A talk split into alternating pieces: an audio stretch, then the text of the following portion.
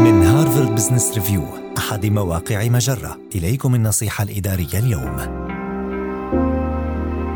عزز شعور فريقك بالتفاؤل. في ظل ما نمر به من أوقات عصيبة يتعين على القادة تهيئه الأجواء التي تسمح للموظفين بأداء عملهم على أكمل وجه. كيف يمكنك توجيه فريقك نحو الأمور التي تدعو إلى التفاؤل؟ اولا أفسح المجال للتفاهات المؤسسية. فعلى الرغم من أهمية التخطيط المتأني وإدارة المشاريع أنت بحاجة أيضا إلى خلق مساحة لإطلاق العنان لخيال فريقك وحسه المرح والإبداعي. ثانيا شجع الجميع على المشاركة في حل المشكلات ثم امنحهم الاستقلالية في إصلاح الأمور والعمل على مشاريع جديدة. إن غرس الشعور بالقوة والمسؤولية في أعضاء فريقك سيساعدهم على تبني عقلية أكثر تفاؤلا.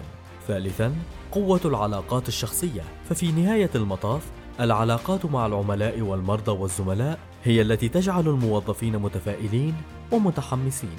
رابعا شارك الأخبار السارة واحتفل بها. هناك الكثير من الأخبار السيئة في الوقت الحالي ولكن بوصفك قائدا يمكنك تسليط الضوء على التطورات الإيجابية خصص بعض الوقت للتعبير عن الامتنان ومشاركة الإيجابيات في اجتماع فريقك القادم. هذه النصيحة من مقال كيف تحافظ على تفاؤلك في الأوقات العصيبة؟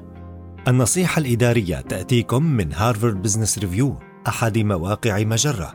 مصدرك الأول لأفضل محتوى عربي. على الإنترنت.